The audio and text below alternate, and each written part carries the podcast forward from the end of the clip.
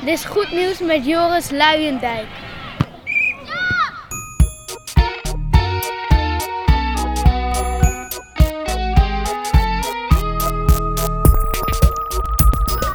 Met ons vandaag is Michiel de Hoog, uh, gelder op 1979 en sinds december 2014 correspondent sport. Kan ik dat zo zeggen? Ja, dat kun je zo zeggen. Correspondent optimalisatie misschien? Talentherkenning, zei iemand laatst ook. Ja. Uh, correspondent geïnstitutioneerde middelmatigheid. Ook dat is goed. Ja. ja laten we beginnen met je fun fact. Fun fact. Uh, driekwart van de kinderen, van de jongens, die spelen in een uh, opleiding van een betaald voetbalclub. Die zijn geboren in de eerste helft van het jaar. Kijk, dit is dus een immense bron van uh, troost voor mij. Want ik ben geboren op 30 december 1971. Ja, maar uit welk jaar kom jij? 1971. Ja, oh ja, dat zei je. Ja, nee, maar dan, dan, dan heb jij uh, profijt gehad. Want uh, nee, de, de, ja, de, de, datum waarom destijds werd bepaald in welk team je komt, die lag destijds op 1 augustus. Ja, klopt. Maar met tennis was het 1 januari. Ah, groot nadeel. En dan is er ook nog een geboorteplaatseffect. Dat Correct. relatief uh, leg hem even uit. Ja, daar wordt trouwens over getwist inmiddels. Maar dat als je uit een kleinere plaats komt, dan heb je iets meer kans op succes. Omdat je minder snel wordt geselecteerd. En dan is jouw, jouw kleinheid of jouw minder rijpheid is een, een, minder groot nadeel. Dus je blijft gewoon eigenlijk in de, in de betere teams spelen met de betere begeleiding. En in grote steden, daar is veel meer selectie uh, mogelijk. En dat gebeurt dan ook. En die selectie is dan in het voordeel van de, de rijpere, oudere, vroeggeboren kinderen. Ja, ja, dus de geboorteplaats compenseert in zekere mate uh, de, gebo uh, de geboortedatum. Ja, ja. Ja, en nou begreep ik ook, ook, je hebt ook nog het Amsterdam-effect. Dat Amsterdammers met een grote bek ook nog eens vaker opvallen bij selectie. ja, sowieso Amsterdammers in het algemeen. Dus je hebt meer kans zeg maar, in, de, in, de, in de picture te komen bij een goede club als je in Amsterdam speelt. Want Amsterdam is het een van de allerrijkste voetbal gronden, misschien wel van de wereld. Dus met heel veel verenigingen, heel veel goede verenigingen, heel veel selectie. En ja, dan gaan ook gewoon de meeste scouts naartoe. Dus, ja. Ja, en dan is het ook nog zo, begrijp ik, dat als een Amsterdams team speelt tegen een niet-Amsterdams team, dat omdat die Amsterdamse grote bek hebben, de scouts ook nog eens de neiging hebben om. Ja, het is een ding wat leeft onder scouts. Dat een, een grote randstedelijke bek, ook Rotterdam is daar, uh, staat daar bekend om tegen de timide provinciale. Dat, uh, dat is een factor die hun sterker zou maken, met de Ja. nadruk op zou. Ja. Ja, ja, dus deze jongen opgegroeid in Hilversum uit december 1971 zonder die grote bek. Geen wonder dat ik eh, ben geëindigd als correspondent slecht nieuws in plaats van als topvoetballer of toptennisser. het, eh, eh, als, als ik jouw werk bekijk, dan eh, gaat het heel erg over optimalisatie. En het werk ook van Daniel Kahneman komt daar veel in voor. Het is eigenlijk heel apart. Je denkt, ik ga de correspondent sport, ik ga lezen over sport. Maar eigenlijk is sport veel meer een vergaarbak waar, waaruit jij voorbeelden haalt om iets te vertellen over hoe mensen verbeteren of niet verbeteren. ja. En Kahneman is daar bepalend in. Voor mensen die hem nog niet kennen, hoe zou je hem aanprijzen? Puw, eh, hij is een, eh, ja, een psycholoog eh, die de Nobelprijs Economie heeft gewonnen. Wat Dat- geen echte Nobelprijs is, luisteraars, besef het. Klopt, maar hij bestaat wel, dus dat laten we toch zo noemen. Ja, hij, hij is natuurlijk de, de man samen met zijn collega Tversky... die een aantal structurele denkfouten van mensen hebben blootgelegd... die dus aantonen dat de mens helemaal niet zo'n homo economisch... Homo economicus is dus een optimalisatiemonster. Helemaal niet zo rationeel. Nee, nee. En dat er zelfs structurele denkfouten zijn. Ja. Nou ja, en het is niet zo heel gek dat ik daar vaak bij uitkom in de sport. Omdat, nou ja, met name in de sport worden continu mensen beoordeeld eh, op basis van vrij weinig informatie. En daar worden dan dat soort denkfouten vrij vaak in gemaakt. Ja. Hm. En het geboortemaateffect is daar een mooie illustratie van. ja. Het is inderdaad, want er zijn natuurlijk parallellen met hoe de samenleving als geheel eh, is veranderd in de afgelopen 30 jaar. Wat ook steeds weer naar een prestatiemaatschappij is gekomen. Er wordt in, kinderen worden enorm veel getest. eh, op het werk wordt eindeloos geëvalueerd. Mhm. Eh, en daarin vormt jouw werk denk ik wel een heel interessant gecontroleerd experiment. Dat het, het testen en evalueren is niet genoeg. Je moet ook echt weten wat je met je resultaten doet. Mhm.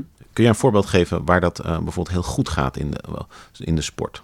dat is een moeilijke vraag. Ik, ik ben me meer bewust van de fouten, eerlijk gezegd. Dus eh, ik vind het wel een goede vraag. Eh, het, gekke aan sport is dat je inderdaad optimalisatie zou verwachten, omdat het een streng competitieve wereld is, die, die, die, die langer termijn zou kunnen denken. Maar in de praktijk is de druk om nu meteen resultaten te boeken zo groot dat toch een heleboel van die denkfouten worden gemaakt. Maar er zijn ook wel eh, voorbeelden van clubs die dit ook weer beseffen. Die ook eh, het werk van bijvoorbeeld Kahneman ter harte hebben genomen.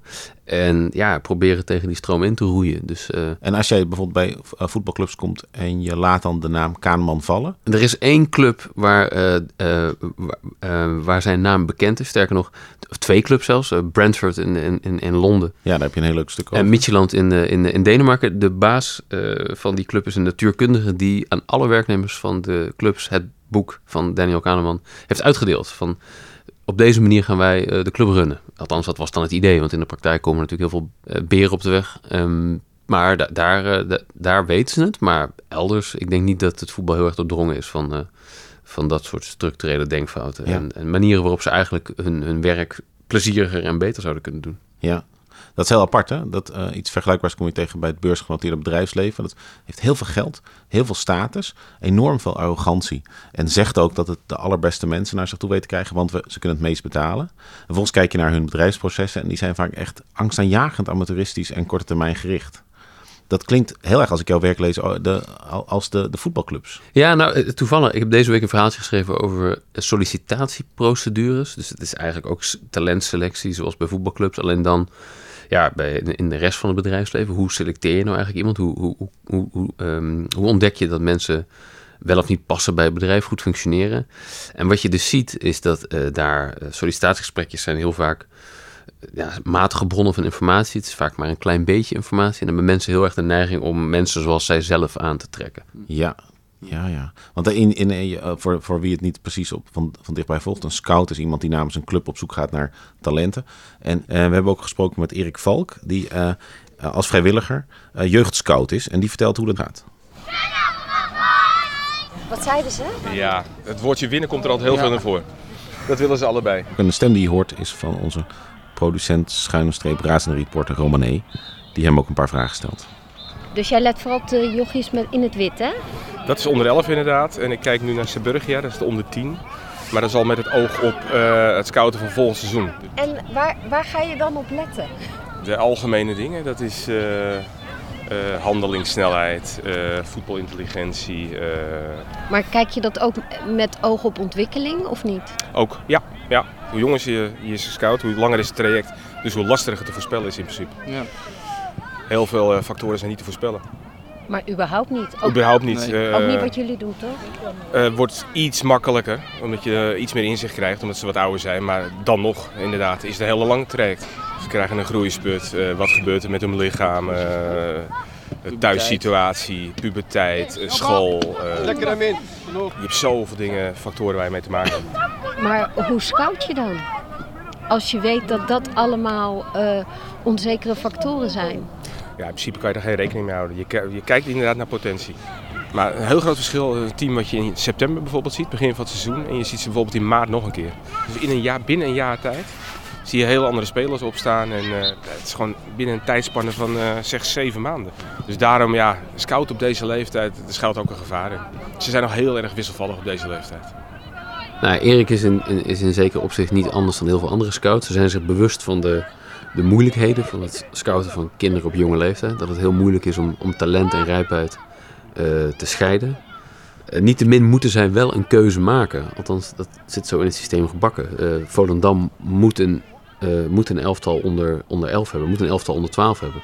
En je moet iemand kiezen. hoe ga je dat doen? hoe kun je met op relatief weinig indrukken zeggen: ja, dit is een echt talent en dat niet. Het is echt vreselijk moeilijk om te doen. En ondanks dat alle scouts over de hele wereld zichzelf bewust zijn van het feit dat ze vaker kiezen voor vroegrijpe kinderen, gebeurt het toch weer.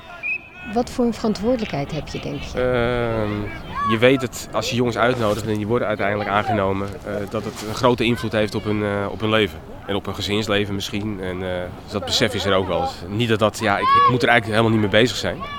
Maar toch denk je er wel eens over na. En waarom zou je er niet mee bezig moeten zijn? Ja, mijn primaire taak is gewoon het scouten van de beste spelers. En ja, het, het moet niet te veel een gevoelskwestie worden van uh, wat er allemaal speelt. Of bij ouders, of uh, wat er aan de hand is. Of, kijk, er zijn ook ouders die bijvoorbeeld, dat zie je van de buitenkant, een, ja, een behoorlijke druk uitoefenen op kinderen. Ja, is dat een reden om een kind niet uit te nodigen? Ja, dat is heel lastig. Maar wat is dan het uiteindelijke voor jou het doel van je werk? Het uiteindelijke doel is natuurlijk dat er spelers gaan doorbreken in het eerste elftal. Alleen dan ben je natuurlijk weer zes, zeven jaar verder. En zijn er jongens die het bereikt hebben? Er zijn wel een paar jongens die uh, nu zover gekomen zijn. Ja. Alleen het is, een, het is inderdaad een soort afvalrace. Maar het is eigenlijk ook een soort gokspel. Uh, voor een BVO zeker, ja, voor elke BVO. Ja. Wat is een BVO? Een betaald voetbalorganisatie. Dus je begint eigenlijk met een uh, groep zeg, van 18 of 20 jongens. En uh, ja, je ziet elk jaar zie je toch wel spelers afvallen. En eigenlijk van tevoren is nooit te voorspellen wie dat zijn. Want het kan elk jaar weer anders zijn qua ontwikkeling. En uiteindelijk ja, zal, zal niet iedereen het halen. En mag je blij zijn als bijvoorbeeld twee spelers van een lichting uh, uiteindelijk het eerste halen. Wauw. Dat was wel echt een heel mooi goal. Dat was een heel mooi goal, ja. Ja, ja het is een complexe operatie. Ja. Over uh, terug naar die prestatie. En die, uh, een ander heel interessant stuk is over een Franse coach die zijn team uit de competitie, zijn jeugdteam uit de competitie haalt. En als er nou één ding erin wordt gepompt van de ah, klassieke economen is, weet je, competitie, strijd maakt beter. Vrije markt betekent dat, dat verschillende aanbieders botsen en de beste blijft over. Dat zit heel diep op dit moment in onze maatschappelijke ordening met targetcultuur en rendementsdenken en alles en zo. En deze gast die gaat compleet de andere kant op. En je hebt hem ontmoet. Ja, uh, ik, ik, ik schrijf veel over jeugdvoetbal. En dus waar we het in het begin over hadden, over dat geboortemaandeffect. Dus dat de, de, de meeste kinderen in een opleiding. Uh, en trouwens in, amateurclubs ook, als je dat eroverheen haalt. In amateurclubs is het ook dat de beste teams hebben allemaal kinderen uit het begin van het jaar. Uh, en uh, nou, dan, dan, dan, ik ben eigenlijk de hele tijd op zoek naar mensen die daar wat aan proberen te doen. Dus die, die, dat, die het daadwerkelijke talent proberen te zoeken. En talent is natuurlijk niet gerelateerd aan geboortemaand. Dat is random verdeeld over het jaar, lijkt me duidelijk. En uh, nou, deze man uh, van de club Lorient in, in Bretagne, die had eigenlijk feilloos in de gaten dat de reden dat er allemaal kinderen uit nou ja, dus januari, februari oververtegenwoordigd zijn in het voetbal, is omdat scouts niet letten op potentie of op talent, maar op wat iemand nu kan. Ja, dus onmiddellijke meetbaarheid. Onmiddellijke meetbaarheid, ja. De, de spelers die jou meteen een grotere kans op winst geven. Uh, nou, en dan hebben heel veel mensen heel veel dingen geprobeerd om er onderuit te komen. Hij, zelf ook. Uh, maar uiteindelijk drong het tot hem door. Wat nou als we gewoon die hele prikkel van het nu moeten winnen, als we die wegnemen? En uh, misschien is het handig om daarbij even op te merken dat de jeugdopleiding van een profclub, uh, iedereen zal het ook zeggen, het doel is niet om nu te winnen. Het doel is om, en dat klinkt dan niet zo heel sympathiek, maar om zeg maar 18-jarige spelers van topniveau op te leiden. Dus het gaat eigenlijk niet om nu winnen, maar om later winnen. Die jongens komen op een jaar of 10, 12 eh, de opleiding binnen. En uiteindelijk moeten daar een paar geweldige spelers uit rollen. Over zes jaar. Ja. Wat ze nu doen op dat moment is eigenlijk irrelevant. Ja. Uh, alleen, ja, stel je voor dat jij, uh, dat je echt kunt zien wat een echt talent is. En stel je voor dat je dan vier jaar lang gaat verliezen. Omdat je dan, nou ja, soms wat, wat minder oude jongetjes hebt. Het gaat vooral om jongens trouwens, vandaar dat we dat even niet op meisjes betrekken. Um, ja, dan gaan mensen toch twijfelen van, hé, hey, we verliezen alweer een potje. Zijn die jongens dan echt zo goed? Klopt het wel? Ben jij wel zo'n goede trainer als jij weer potjes verliest met die, met die, met die um, zogenaamde talenten van je?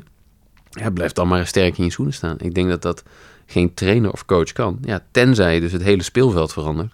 Dacht deze uh, Philippe Penson van, uh, van Lorient. Door gewoon dat hele winnen, uh, die, dat er maar uit te halen. En dan eens kijken wat er dan gebeurt. Ja, en dat, dat dus je, je vat het ergens samen van wat je.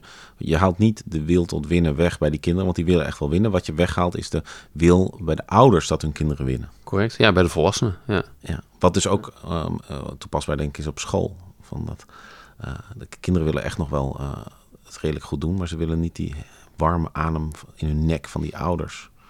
Nee, dat denk ik ook niet. Het geboortemaandeffect bestaat ook in het onderwijs. Dus het is, ja. het is, het is het is tricky. Ze willen denk ik echt wel leren. Dat is ook wat die, wat die, wat die jeugdcoach zei. Van, uh, zij komen zelf ook aan met dingen die ze beter willen ja. leren doen. Nou, als het uit hen zelf komt, dan zullen ze dat veel liever doen dan als, het, als ik het zo opleg. Ja. Er ligt een heel negatief mensbeeld ter grondslag aan de, deze nadruk tegenwoordig op concurrentie, competitie en onmiddellijke prestatie. Dat mensen eigenlijk geneigd zullen zijn om niks te doen, op de bank te hangen. Maar je moet ze dus een combinatie van wortels en stokken bieden om ze hetzij te lokken, hetzij te dwingen. Ja. En dat er dus de mens niet van nature eigenlijk geneigd zal zijn, mits de mens zich veilig voelt, uh, om zich te gaan ontplooien. Ja, dat is uh, Rutger Bregman, hoor ik hier ook. Ja, die, die, die schrijft het ook terecht. Ja. En ik denk dat dat klopt. Zeker in het voetbal. Die kinderen die hebben er ontzettend veel zin in. Ze, ze kunnen niet wachten om te gaan spelen. Ja. En dan komt die, die competitiestructuur aanzetten. Ja, en die, die, die, die mini Guardiola's en mini Mourinho's aan de, aan de zijlijn. De, de, ja, ja, het is allemaal. Het is, echt ook van een, van een mooie schoonheid, het onderwerp. Dus ik, ik ga er ook graag naar kijken. Het is allemaal heel complex en logisch dat het, dat het niet helemaal goed gaat. Um, maar tegelijkertijd, juist in het voetbal, kun je, kun je dat ook heel duidelijk zien dat het niet goed gaat. En dat is de voorwaarde om er wat aan te gaan doen. Een interessante parallel misschien is, is Unilever, die uh, een beursgenoteerd bedrijf, zit in diezelfde soort prestatiedruk. Ieder kwartaal moet er winsten worden laten zien, anders gaan de analisten zeggen van overkopen oh, Unilever. En op een dag zegt de baas van Unilever, Paul Pol, die zegt, we schaffen gewoon die kwartaalrapportages af. Mm -hmm. Als je dat belangrijk vindt, willen we je niet meer als investeerder. En dan zou je denken van, jongen, dat, daar zal die wel heel veel voor geprezen zijn. Maar in die financiële wereld geldt die echt als een soort van bomenomhelzer. Weet je, een enorme, slappe... Yeah. Het wordt helemaal niet gewaardeerd als iemand zo uit de pas stapt. Ja, curieus. Wel natuurlijk dat, wel. Maar dat had die, voet, die, die trainer in Frankrijk ook. Ja, nee, dat, dat is wat het is. Ja. Hij, hij, kon zijn, hij kon de ouders er trouwens wel redelijk van overtuigen. Er vielen er wel een paar af. Hè, dat, is, uh, uh, dat is niet iets wat ouders aanspreekt, omdat de eerste impulsieve gedachte is: ja, mijn kind moet met de beste andere kindjes spelen. En ze moeten wedstrijden winnen, want dan, dan zijn we goed bezig. Ja. Terwijl dit, maar dat is ook heel moeilijk om die lange termijn uh, te denken. Ja. Dus ik snap het wel, maar ik vond het dus extreem moedig, extreem interessant dat die, dat die Franse man dat heeft gedaan. Ja. ja. Het, een van de nieuwe dingen natuurlijk is, is of nieuw, relatief nieuw, de, de, de groei van data, de mogelijkheid om data te vergelijken. En zo een van, de, een van onze leden, Jan Verbeek, werkt als wetenschapper bij de, bij de KNVB. En die is daar flink inge, ingedoken, maar ook weer als enige. Ja. Jij vertelde mij, hij is eigenlijk een soort van, zo gauw ze het niet meer weten, gaan ze naar Jan. Want die heeft ervoor gestudeerd. Dat is de professor. bij de KNVB. Ja, dat is natuurlijk, het is interessant, omdat uh, ik denk dat de KNVB, het, dat, zo zien ze zichzelf geloof ik ook, als een kennisorganisatie.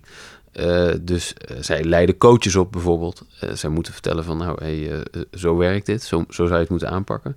En ja, en ze, ze maken ook wel gebruik van wetenschappers van buiten, maar ja, het lijkt me toch dat er zoveel inzichten zijn in, in, in trainingsleer en in evaluatiemethodes. En nou, bijvoorbeeld ook wat je aan het geboortemaandeffect kunt doen.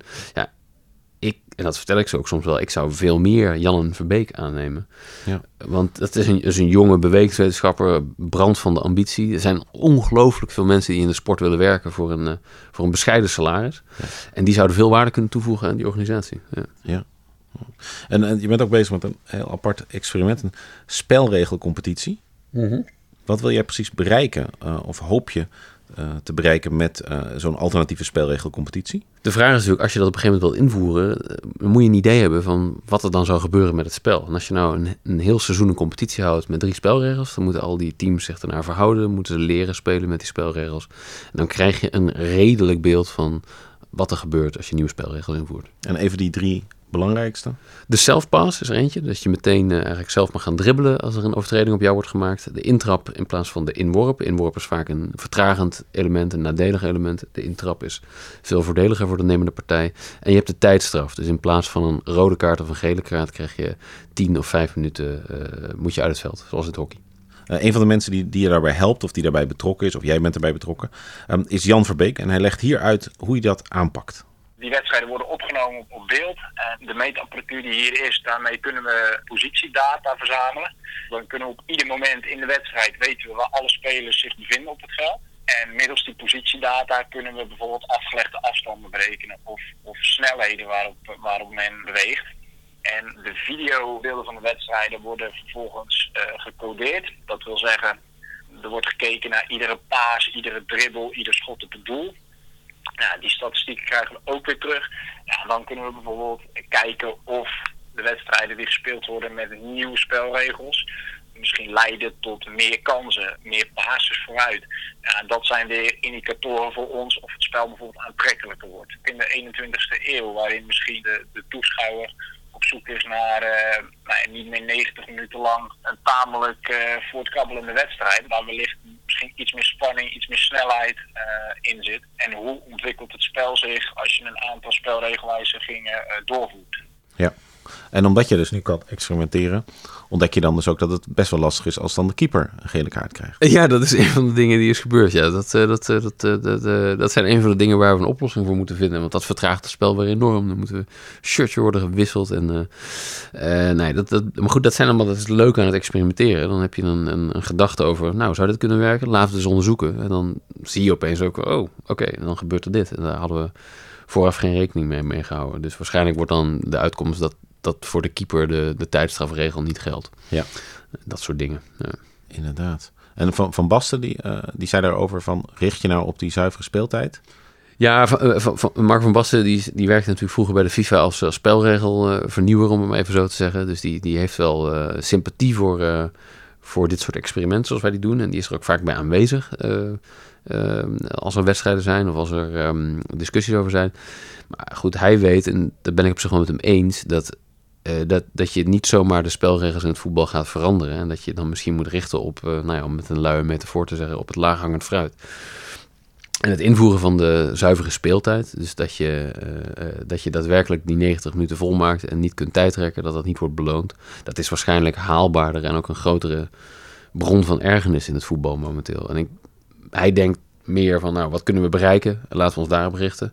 Terwijl wij iets fundamenteler denken van, eh, nou, laten we ook wat verder vooruit kijken van... eh, eh, wat zou er nou gebeuren als we dit doen? Wat zou er nou gebeuren als we dat doen? Want wat, wat, wat er gebeurt als je zuivere speeltijd invoert, ja, dat kan ik op zich wel voorspellen. Daar heb ik bij wijze van spreken het experiment niet echt voor nodig. Als we het hebben over de, de grenzen van optimalisering. Hè? Dat is een, het is een beetje de, de nieuwe de soep van de, van de dag. Van de, heel veel TED-talks en, en andere dingen gaan allemaal over...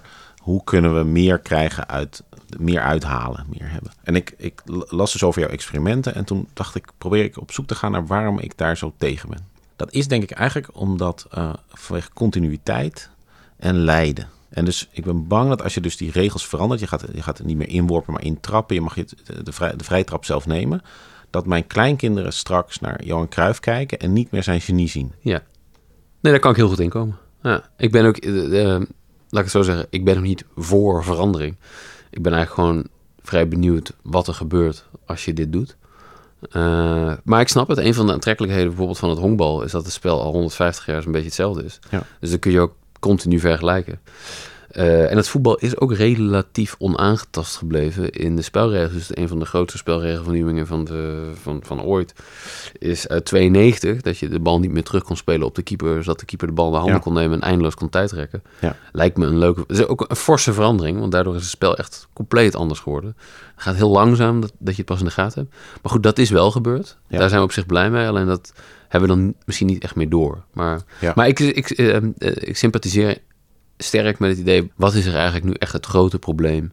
Eh, moet het ook steeds maar eerlijker? Want het leuke aan voetbal is natuurlijk ook dat de mindere partij een aardige kans maakt om te winnen. En al die dingen waar wij mee experimenteren, nemen misschien wel een paar instrumenten weg voor mindere ploegen. Om zich toch te kunnen doorzetten tegen betere Ja. ploegen. Ja, dan- maar dat is weer uiteindelijk een optimaliseringsargument. Dat je soms niet moet optimaliseren, zodat we op een hoger niveau geoptimaliseerd eruit komen. Maar ik denk dus dat, dat een van de redenen dat ik zo hou van voetbal, is dus dat ik daar aan het lijden ben. Ja, hoe doe je dat leiden? lijden. Dus ik erger me. En eh, er, ge- er gebeuren gewoon dingen die echt niet kunnen. Er worden doelpunten goedgekeurd die niet afgekeurd had moeten worden. Andersom. De verkeerde wind. En het, zijn nog, het is een, dus een, een gecontroleerde arena waarin ik dus dat soort negatieve emoties kan ervaren. En waar ik een beetje bang voor ben met die optimaliseerders, is dat ze er dus een soort van, van blinkend schoon paradijs van gaan maken. Ja. Dat, dat als je in Engeland is, is wat is de finale die het best wordt, eh, wordt eh, onthouden? Dat is de finale waarin er een, ja, een onterecht doelpunt werd. Ja. Dat is zo'n. Ja, nou goed, die vind ik wel interessant. Want dan zeg je van ja, maar dat is, eh, dat is nu voetbal eh, folklore of voetballegende eigenlijk. Dus dat, de- dat de, de, bal die al niet over de lijn was, eh, verkeerd werd beoordeeld en daardoor eh, een WK-finale is beslist. En daarna ook de, de hand van God van Maradona, die gewoon de bal met zijn hand meeneemt. Maar het met de hand- VAR was die er niet meer Nee. geweest. Nee. En, en de hand van God is, is, is een staande uitdrukking wereldwijd geworden. Ja, eens. Wat ik wel denk, eh, dus, dus het zou jammer zijn als je dat soort dingen kwijtraakt, maar er komen weer nieuwe dingen voor in de plaats. Eh, dus daar, daar ben ik ook van overtuigd. Dus dat dat op zich, die legendevorming staat dat niet in de weg. Het worden alleen iets andere legendes. Maar ja, eens. Ehm, eh, het is ook mijn eh, voetbalgeschiedenis. Dat Maradona met die, met die hand scoorde. En nou, zo zijn er nog tal van voorbeelden. Die, maar goed, er zijn natuurlijk ook heel veel... Ja, nee, dat maakt het interessant. Maar ik, ik vind het ook een moeilijke. Maar uiteindelijk denk ik ook dat er wel andere dingen voor in de plaats komen. Onderstreep maar gewoon even weer dat ik het begin zei. Ik ben niet per se voor of tegen spelregelvernieuwing. Ik ben wel geïnteresseerd met name in wat er gebeurt. En je hebt ook gemerkt dat bijvoorbeeld 25 jaar geleden, of wat zal zijn geweest toen die terugspelregel werd ingevoerd, daar was toen een enorme behoefte aan. Maar we wisten eigenlijk helemaal niet wat er zou gebeuren als we die regel zouden invoeren. Dus ik heb daar uh, in april van dit jaar met Sepp Blatter notabene over, uh, over gebeld. Want hij heeft dat eigenlijk eigenhandig op basis van heel weinig kennis. Hebben ze die regel zomaar veranderd. Wat ik eigenlijk best wel grappig vond. Want ja. uh, het, het, spel is... Ja, volgens mij konden ze die, die consequenties niet helemaal goed doorzien. En toch maar gewoon even gedaan. Dus om die reden is het ook een beetje dat ik denk... hé, hey, het is misschien wel aardig als we voortaan al wel weten... wat er zou gebeuren als we het nog een keer willen veranderen. Zeker die dingen waar al wel vaker over wordt gesproken. Um, maar goed, het is... Ach, ik vind het ook weer niet zo super belangrijk. Als het zo zou blijven zoals het is, ik geniet er nu ook van. Ik geniet ook inderdaad van de ergernis en de controverse en de, um, die horen bij, uh, bij het wel laten doorgaan van verkeerde beslissingen. Hm. Als je, als je zo rondloopt in die voetbalwereld, uh, dan uh, met voetbal, heb je veel contact met voetballers? Redelijk wat, ja. ja. Het was een van mijn allerleukste interviews die ik heb gehad, was met Stefan de Vrij, de ja, voormalige verdediger van Feyenoord. En ja, even los van het feit hoe ik het heb opgeschreven, hoe dat dan eigenlijk is uitgepakt. Het was wel echt, die jongen was zo nadenkend over wat hij deed. Voor degene die dat stuk nog niet heeft hebben gelezen, dat, dat gaat echt over die, dat tegenovergestelde van amateurisme eigenlijk. Heel gedetailleerd. Hij gaat via Skype. Vertel. Nee, hij had. Kijk, hij, wat het is, is dat voetballers hebben bij hun clubs. Er zijn pak een beetje uh, 22 selectiespelers en een relatief beperkte trainerstaf. Dus die trainers die hebben niet, niet genoeg tijd om om, om spelers achteraf uh, te vertellen van nou, volgens mij had je dit moeten doen, volgens mij je dat moeten doen. Nou, uh, dat kun je je schouders bij ophalen en te laten, erbij laten zitten. Niet elke voetballer heeft zin om beelden van zichzelf te bekijken.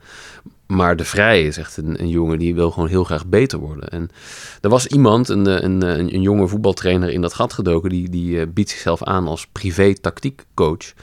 Uh, en uiteindelijk zijn die twee met elkaar in contact gekomen. Wel meer voetballers uh, laat zich nu door die jongen, die coach begeleiden. Ja, en dan zijn ze dus samen beelden gaan kijken via FaceTime inderdaad. Ja, want de Vrij zit dan in Italië en die jongen in een industrieterrein in Noord-Groningen. En dan, dan gaan ze gewoon die hele wedstrijd nakijken op beeldjes en op vooraf besproken verbeterpunten. En dat, dat zijn, kijk, ik weet op zich wel dat trainers en coaches heel naar andere dingen kijken dan, dan, dan, dan ik zelf ook en de gemiddelde voetbalfan. Maar waar zij zo al naar keken, dat was zo compleet anders dan ik had kunnen voorstellen. Over instappen een halve meter bij. Ja, de bal was niet eens in de buurt. Het was, ja. het was eigenlijk meer een zoektocht naar tijd, wat hij de hele tijd had. Dus uh, wanneer is de, is de situatie ongevaarlijk genoeg dat ik mijn positie kan verbeteren of dat ik mijn ploeggenoten kan coachen? Of ja, allemaal kleine dingetjes die je nooit ziet, maar die wel bijdragen aan het betere resultaat van de ploeg. Je, op het moment dat de, de aanvaller de bal heeft, kijk je alleen naar de bal. Als de bal weg is van de voet van de aanvaller, heb je tijd om om je heen te kijken waar iedereen staat. En dat moet in een, in een flits. En dan moet je precies weten waar iedereen staat. En dat gaat dan om een halve meter. Ja, maar dat kan wel degelijk een soort ja, uh, lawine-effect hebben. Uh, weer invloed op de ander en weer op de ander, waardoor je met z'n allen iets beter staat. En wat ik daar ook zo fascinerend vind, want hij is daar enorm mee bezig. Maar ik denk niet dat dat hem en hij doet dat, maar ik denk niet dat het hem wordt toegeschreven. Dus hij staat bijvoorbeeld ook bekend als een onspectaculaire verdediger. Maar dan denk ik, ja, uh, misschien heeft hij die tackles wel niet nodig, omdat hij altijd goed staat. Alleen waarom die goed staat, dat zie je natuurlijk nauwelijks. Ja. En daar is hij dus heel uh, conscious mee bezig, ja. uh, bewust mee bezig. Ja, ja. ja daarin zijn, het, zijn die verdedigers een soort eindredacteuren. Die halen alle fouten eruit, maken stukken van anderen beter. En als ze het echt hun werk goed doen, heb je geen idee dat ze bestaan. Ja, wat nogal pijnlijk is voor zowel de eindredacteur als voor Stefan de Vrij. Ja, ja. ja arme man. Nou ja, hij, hij wordt er goed voor uh, vergoed. Dus het, ja, uh, het, maar het je moet moet wel, uh, je moet dus, als je, als je verdediger bent, moet je, moet je een andere ego, een andere maat van geldingsdrang hebben dan aanvaller. ja, correct. Ja, ja. Moet er echt mee kunnen leven dat je dingen doet die alleen de ultieme expert zal herkennen als cruciaal. Ja, en zelfs dan is dat nog maar de vraag. Ik denk dat die, de, de, de efficiëntie voor verdedigers en ook keepers bijvoorbeeld. Dus hè, komt het werkelijke talent, krijgt dat de kans om, om, om zichzelf te laten zien. Ik vermoed dat dat een stukje kleiner is dan, uh, dan, uh, dan misschien bij aanvallen. Want dat doet me denken aan een, aan een, een ander heel interessant stuk van je. Waarbij je toegang kreeg tot uh, de oud, oud-bondscoach. Die dan met jou, kort voordat hij overstapt naar Borussia Dortmund gaat hij eh, echt in, in... Jullie hebben vier of vijf uur met eh, Van Mauwik zitten... Peter Bos. Peter, sorry, Ja. Peter Bos, ja. ja. Eh, met Peter Bos. Ja. Gewoon bijna beeldje voor beeldje. Zoals Ja. filmnerds eindeloos de olifantenscène in Spartacus kunnen analyseren. Ja. Hebben jullie dat daar? En dat gaat echt over de, de, de as of de, de hoek waarin de, de schouders staan van een verdediger. Ja, ja ik, ik, dit is dus eigenlijk dat stuk met Peter Bos inderdaad. Ik samen met Pieter Zwart eh, gemaakt, de hoofdredacteur van Voetbal International. En eh, wij wilden gewoon een wedstrijd door zijn ogen bekijken. En hij had een hele bijzondere wedstrijd, de Europa League finale van 2017 Tegen Manchester United. tegen Manchester United. eh, helaas voor Ajax eh, verloren. Ja, wij wilden gewoon weten, hoe, hoe ziet hij dat? Waar, let hij dan op? En, en, en, en ja, dat, dat, we hebben zoveel besproken, daar kon je me zo weinig van terug. Maar mijn idee was dat, we vooral het, dat ik vooral het detail ook weer, net zoals bij Stefan de Vrij, wilde laten zien van waar letten zij nou eigenlijk op. En dat gaat er dus om tot in hoe een speler staat ingedraaid als hij de bal ontvangt. Dus als hij naar voren staat met zijn gezicht, dan kan hij de bal makkelijker naar voren spelen, waarna er weer andere mogelijkheden ontstaan. Maar staat hij ingedraaid, om welke reden dan ook, de verkeerde kant op, ja, dan, dan, dan zijn al die mogelijkheden weer niet. En dat is toch weer die kleine dingetjes die blijkbaar een hele goede voetballer onderscheiden van een geweldige voetballer. Ja. In zijn ogen althans. Als, ik, eh, na, eh, als ik jouw stukken lees, dan, dan eh, zie ik nog minder reden om naar die voetbalanalyses op tv te kijken. Om, die, zijn, die zijn zo cru. En, en vaak ook gewoon dat je denkt, wauw, maar als deze trainer echt zo kijkt, die zegt van ja, als, hij, als die speler iets anders stond ingedraaid, had hij meteen naar die speler kunnen spelen. En als dat twee, drie keer lukt vroeg in de wedstrijd, dan schrikt de tegenstander. En dan komt er dus een heel, heel subtiel psychologisch spel op gang. Ja, zo, zo is hoe Bos het ons uitlegde. Ik vond het aannemelijk. Eh, en eh, eh, ik denk dat het in ieder geval waardevoller is inderdaad dan het, het, het instant geanalyseerd, als je het al die naam mag geven. Ja. Dat is ook de reden waarom ik, dat, nou, waarom ik, eh, waarom ik er zo over ben gaan schrijven. Eh, je hebt een bepaald type hoogopgeleide eh die eh, er een enorme show van maken om te laten merken dat ze echt niks van sport totaal oninteressant vinden. Voetbal helemaal. Het is ook een beetje een vorm van klasseoorlog voeren. Van kijk eens, ik kijk enorm neer op die Mm. laagopgeleiden die zo van voetbal houden. Ehm, wat missen die mensen?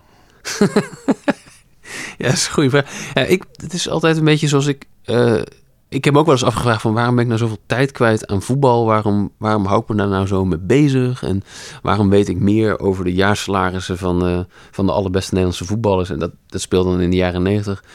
Hoe kan het nou zijn dat ik de daadwerkelijk belangrijke dingen zoals de oorlog in, ehm, in, Bosnië, dat ik daar de, de, de strijdende partij eigenlijk nauwelijks uit elkaar kan houden? En vind ik het ook moeilijk om daarmee bezig te blijven? Ja, ja plezier, ja, dat klinkt dan heel banaal. Ehm, ik heb daar verder ook niet een, een, ehm, een heel erg doordachte, of in ieder geval niet een heel erg analyse van die ik zo kan oplepelen. Maar wat ik wel denk is, ja, wat jij zegt, die, eh, dat type mens herken ik. eh, die zich willen afzetten, eigenlijk een beetje ja, willen signaleren dat ze eigenlijk superieur zijn doordat ze niet van voetbal houden, niet van dat kinderachtige gedoe.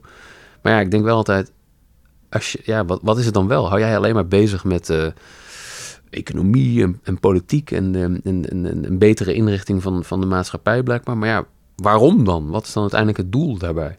Maar Je geef wilt uiteindelijk wel plezier hebben. En geef mij eens het precieze moment bij jou dat ik in dat, hey, dat volgen van al die sport en alles wat er omheen zit en zo. Beschrijf eens de scène waarin je dacht, het zou het moment zelf of achteraf van, ja, daarvoor doe ik dit. Ja, dat is een goede. Nou, de- we hadden het net al, de luisteraars waren er nog niet bij, over de EK-finale 1988. Ik was toen negen en woonde in Duitsland, wat wel lekker was. Want eh, vlak daarvoor hadden, ze, hadden we de halve finale van Duitsland gewonnen. Ja, dat zijn wel... Het is natuurlijk enorm cliché. Eh, eh, dat zijn wel de momenten dat je ja, een soort oppers genot... en, een- en ook een, een collectief beleven van dat, van dat moment. Van Basten. Goed. Oh, de goal! Wat een goal! Die verbijstering van Theo Rijtsen was het, hè? Hmm. Dat hij er gewoon in ging. Dat Van Bast vanuit die hoek die goal kan maken. Niet te geloven. Wat een weergaloos doelpunt. Hij was moe. Hij had hem willen aannemen, maar hij was te moe. Schiet maar gewoon. What a guy. Dat alleen de echte, echte mensen doen dat, ja. maar nu schaf ik de sport af en dan moet je ergens anders gaan werken. Als journalist om over andere dingen te gaan schrijven. Ja, of je, wordt, eh, of je, je, leert, een echt, je leert een echt vak. Ja, echt- inderdaad. Heb ik wel eens over nagedacht. Kan niet beter leraar worden?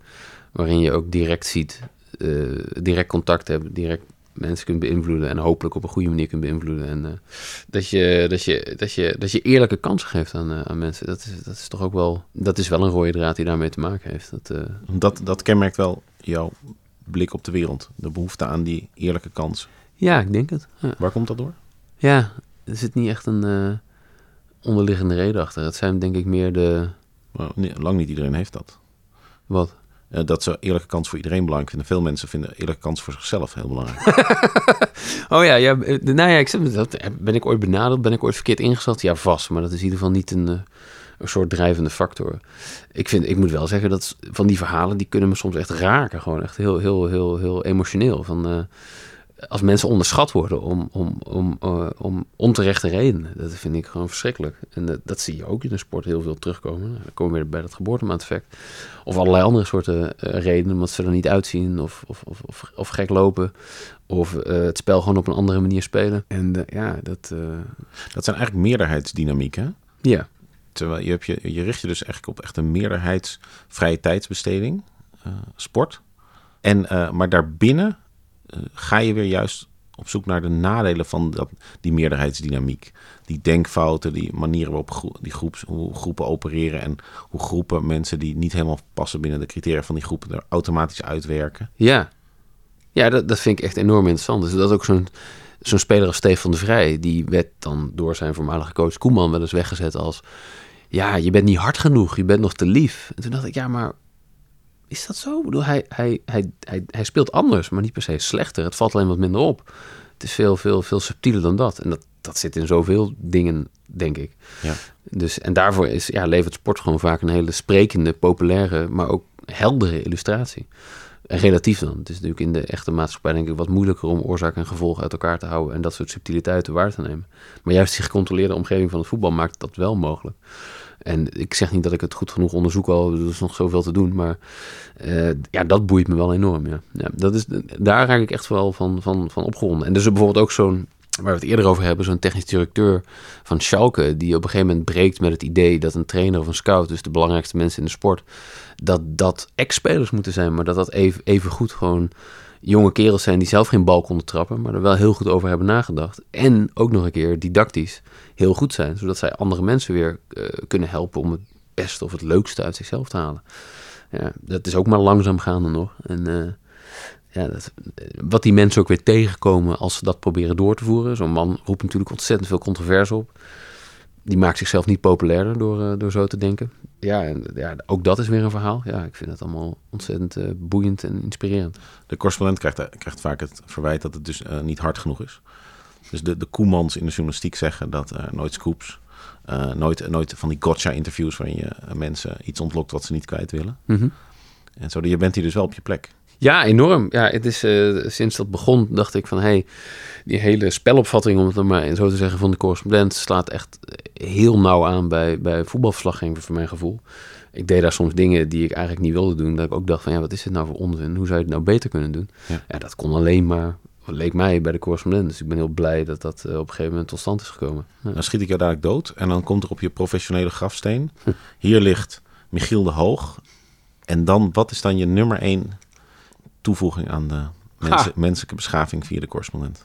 Eh, dat, dat- nou ja, soms zeggen mensen dat ook in mijn stukken. Dan zeggen ze, ja, ik ben geen voetballiefhebber. Maar ik wist niet dat het zo interessant kon zijn. Dat het zo complex kon zijn. Dat mensen zulke eh, boeiendere gedachten hadden dan ik dacht. Veel, veel, veel eh, rounder characters zijn dan, dan ik dacht. Dat vind ik, vind ik, ben ik echt heel blij mee als mensen dat zeggen. Ja. Laatste vraag is natuurlijk wat voor dier jij bent. Dus ben jij een roofdier of meer een prooidier? Bijt jij andere beesten dood of word jij doodgebeten door andere beesten? Mijn vrouw zou zeggen dat ik een prooidier ben, denk ik. Een prooidier ben, hè? Ja, jouw vrouw is dan een roofdier. Die is het roofdier. Die is het roofdier. Mooi, dit houden we sowieso. Dit gaat de montage overleven. En ben je dan een prooidier eh, in de lucht, ter land, ter zee of in de lucht? Misschien iets van een bever? Een bevertje? Een bever. Dammetjes aan het bouwen. Ja. Ja, ja ik, eh, ik, ik, vind dat, ik vind dat prima, ja. Ja. Ik kan me wel leven in een bever. Heel goed. Heel goed, die hadden we nog niet Ik doe mijn best. Ja. in het kabinet. ja. ja. Zeer goed.